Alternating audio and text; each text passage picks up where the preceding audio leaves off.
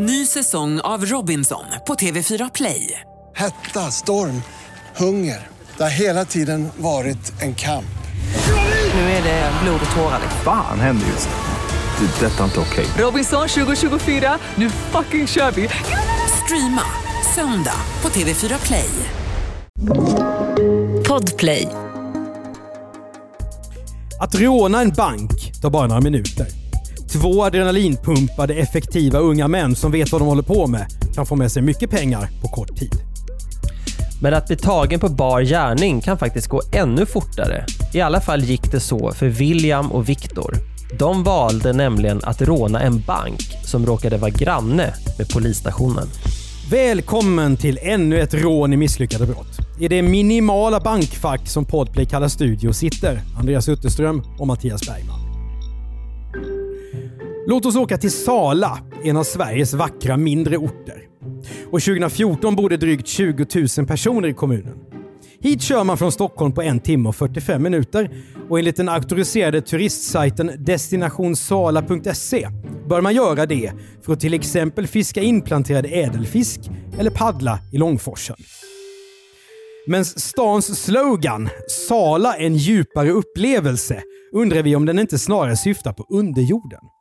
För här finns den fantastiska Sala silvergruva, som väl får sägas vara stadens claim to fame. Förlåt då alla Sala-kändisar, men ni är utklassade. Som Sigvard Tuneman, mannen bakom de hårda brottslingarna i Sala-ligan på 1930-talet. Känner du till Sala-ligan? Ja, det finns ju eh, poddavsnitt om, det, om dem också, men vi har aldrig gjort dem faktiskt. Nej, de var ju tyvärr lyckade brottslingar och hårdföra typer. Ja. En annan känd Sala-person är skådespelaren Bertil Norström, känd som Bengt i varuhuset.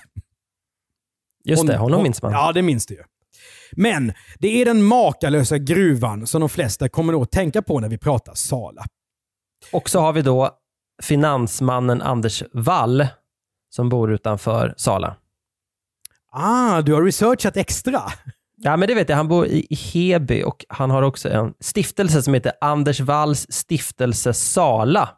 Ah. Den kan man ju söka pengar från om man är eh, behörig. Jag tänkte just fråga hur mycket du har hämtat därifrån. ja, jag är ganska bra på att söka stipendier, men det, den, där har jag inte hämtat några pengar än. Okej. Okay. Hur som helst. De två misslyckade brottslingar i just Sala som vi ska lära oss mer om nu, de har annat än silver för ögonen. Det är den 29 oktober 2014 och William och Viktor kliver in i Nordeas kontor mitt i den lilla staden. Det här är inte deras riktiga namn, men riktiga misslyckade brottslingar det är de allt. Nu ska de gå på banken tillsammans i den charmiga stadskärnan med pittoreska trevåningshus som ser ut att vara byggda, vad vi gissar, tidigt 1900-tal. Korkade rånare har vi haft med att göra förr i den här podden. De har skjutit sig själva i benet, de har utlöst färgpatroner i värdeväskor och inte lyckats få upp dörren till bankkontoret när de ska fly. Men frågan är om vi har haft två rånare som har planerat sämre än William och Viktor.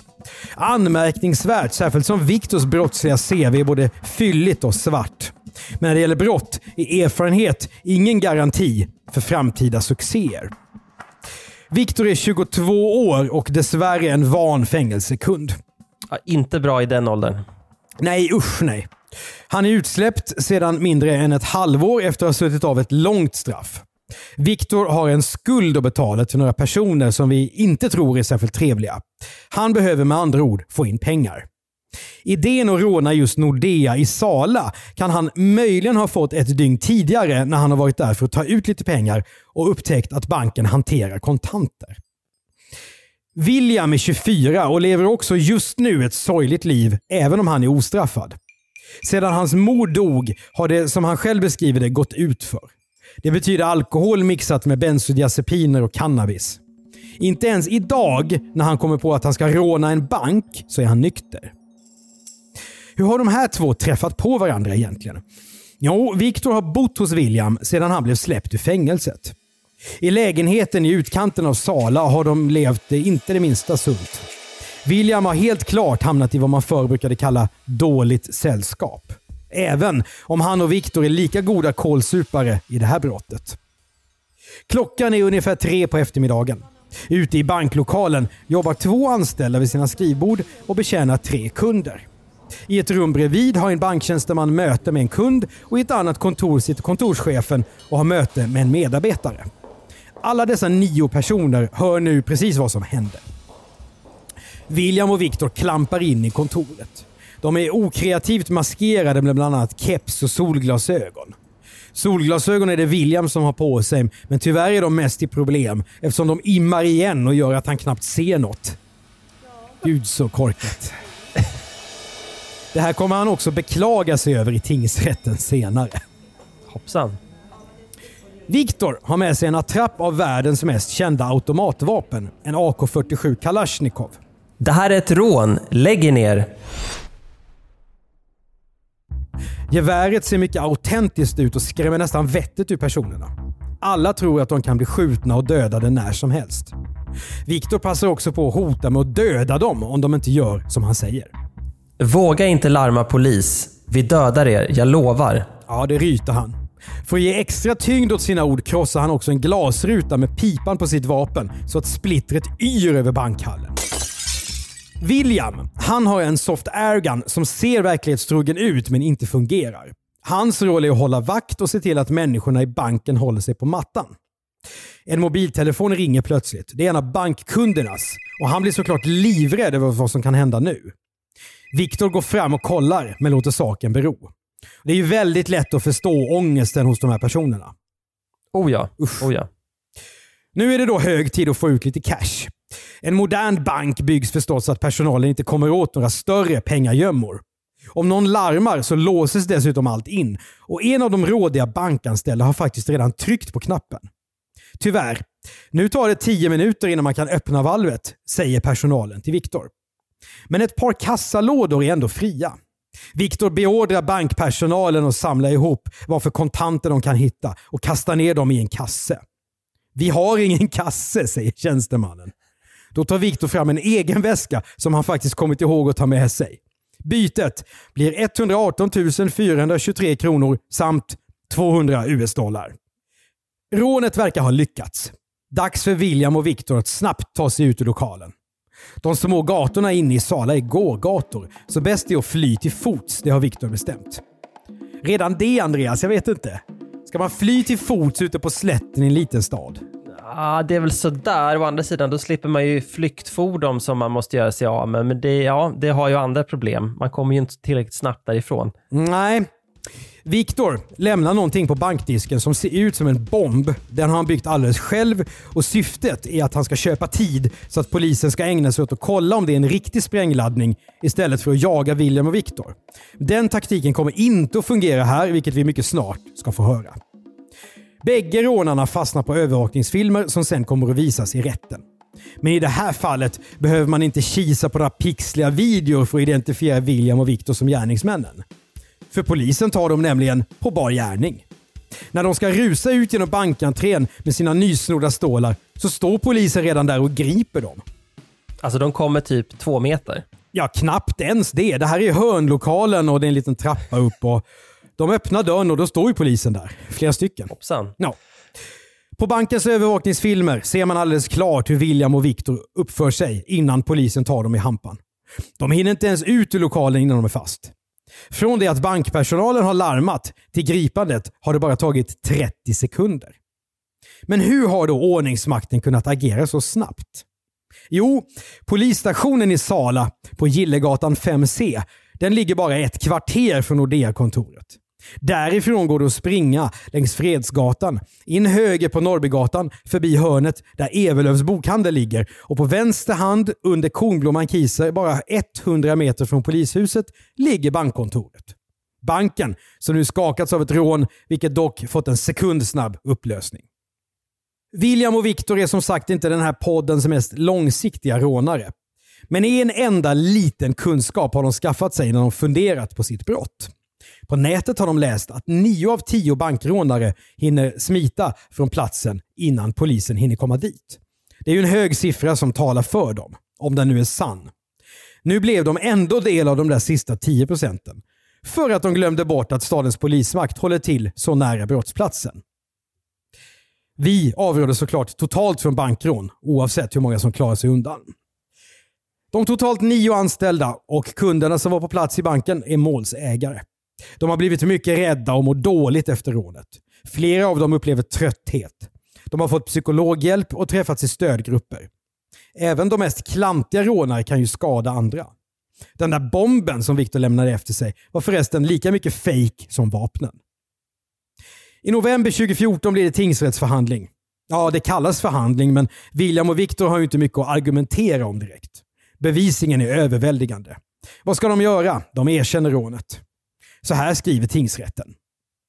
Enligt Viktors uppfattning var rånet en pundargrej, bland annat därför att polisstationen låg endast 50-100 meter från banken. Mm.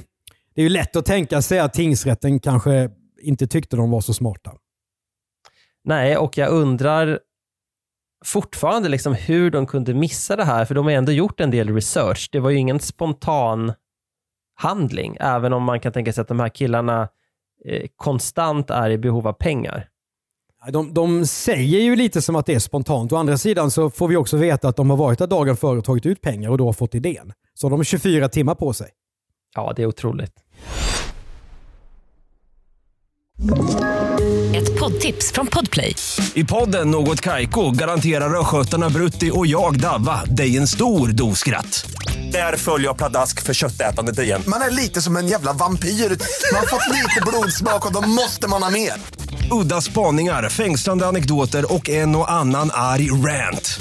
Jag måste ha mitt kaffe på morgonen för annars är jag ingen trevlig människa. Då är du ingen trevlig människa, punkt. Något Kaiko, hör du på Podplay. Därför är gardinerna.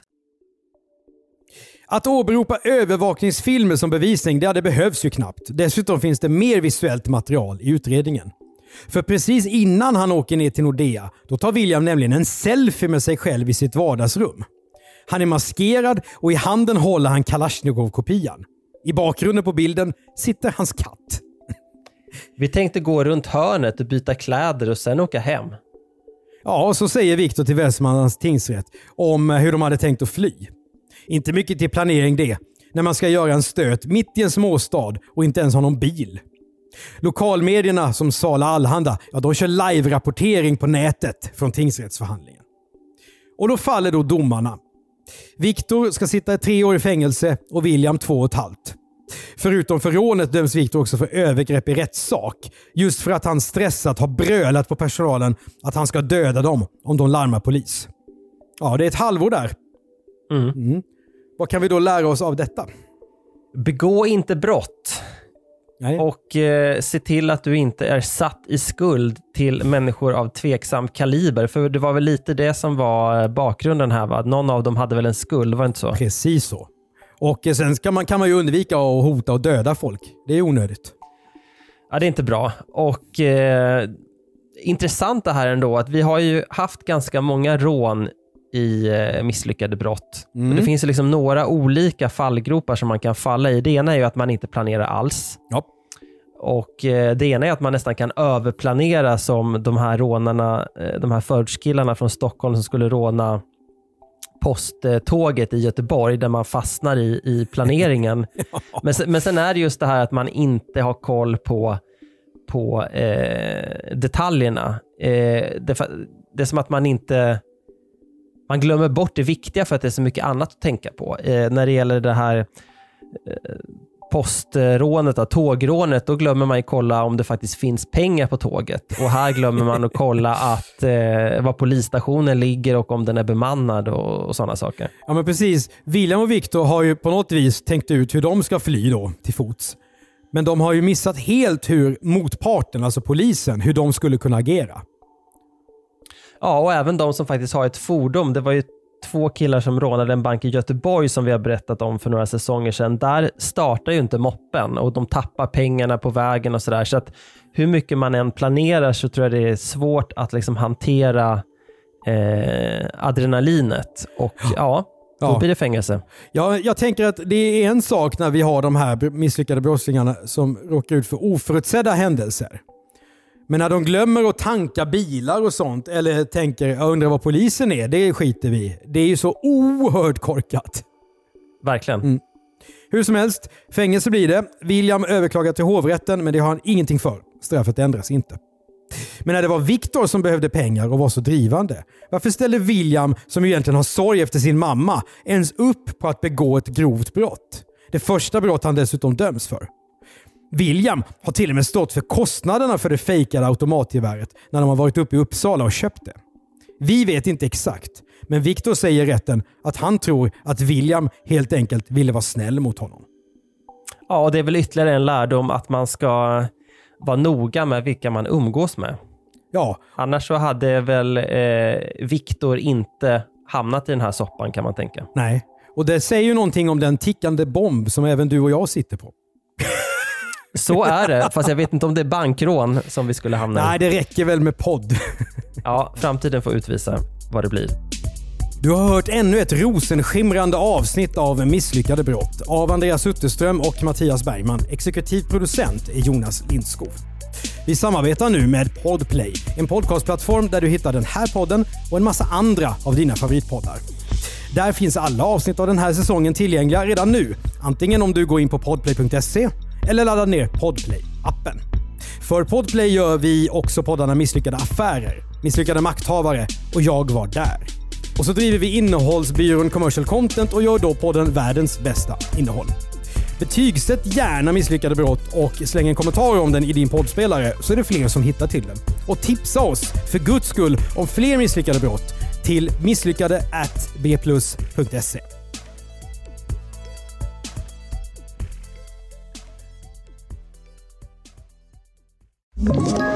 Ett poddtips från Podplay. I fallen jag aldrig glömmer djupdyker Hasse Aro i arbetet bakom några av Sveriges mest uppseendeväckande brottsutredningar. Går vi in med hemlig telefonavlyssning och, och då upplever vi att vi får en total förändring av hans beteende. Vad är det som händer nu? Vem är det som läcker? Och så säger han att jag är kriminell, jag har varit kriminell i hela mitt liv men att mörda ett barn, där går min gräns. Nya säsongen av Fallen jag aldrig glömmer på Podplay.